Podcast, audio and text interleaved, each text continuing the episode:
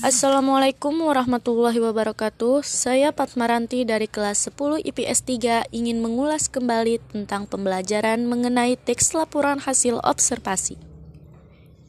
Teks laporan hasil observasi adalah teks yang memberikan informasi secara umum tentang sesuatu berdasarkan fakta dari hasil pengamatan secara langsung.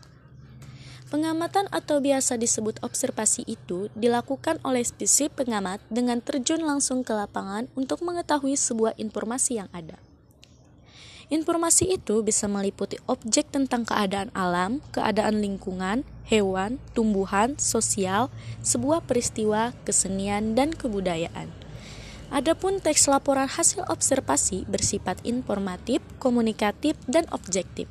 Hal itu berarti isi teks laporan hasil observasi tersebut harus memberikan sebuah informasi yang mudah dipahami oleh pembaca.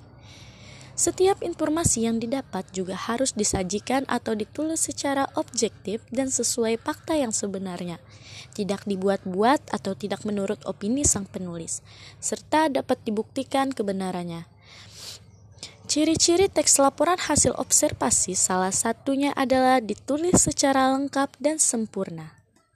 Tujuan teks laporan hasil observasi adalah untuk penelitian, untuk memberikan informasi terbaru, untuk mengatasi suatu persoalan, menemukan teknik atau cara terbaru, mengambil keputusan yang lebih efektif, melakukan pengawasan dan perbaikan, serta untuk mengetahui perkembangan suatu masalah.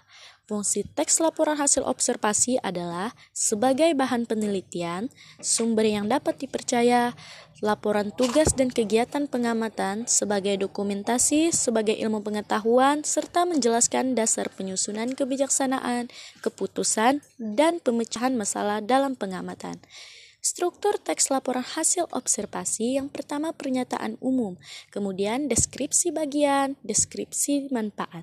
Sekian dari saya, terima kasih. Wassalamualaikum warahmatullahi wabarakatuh.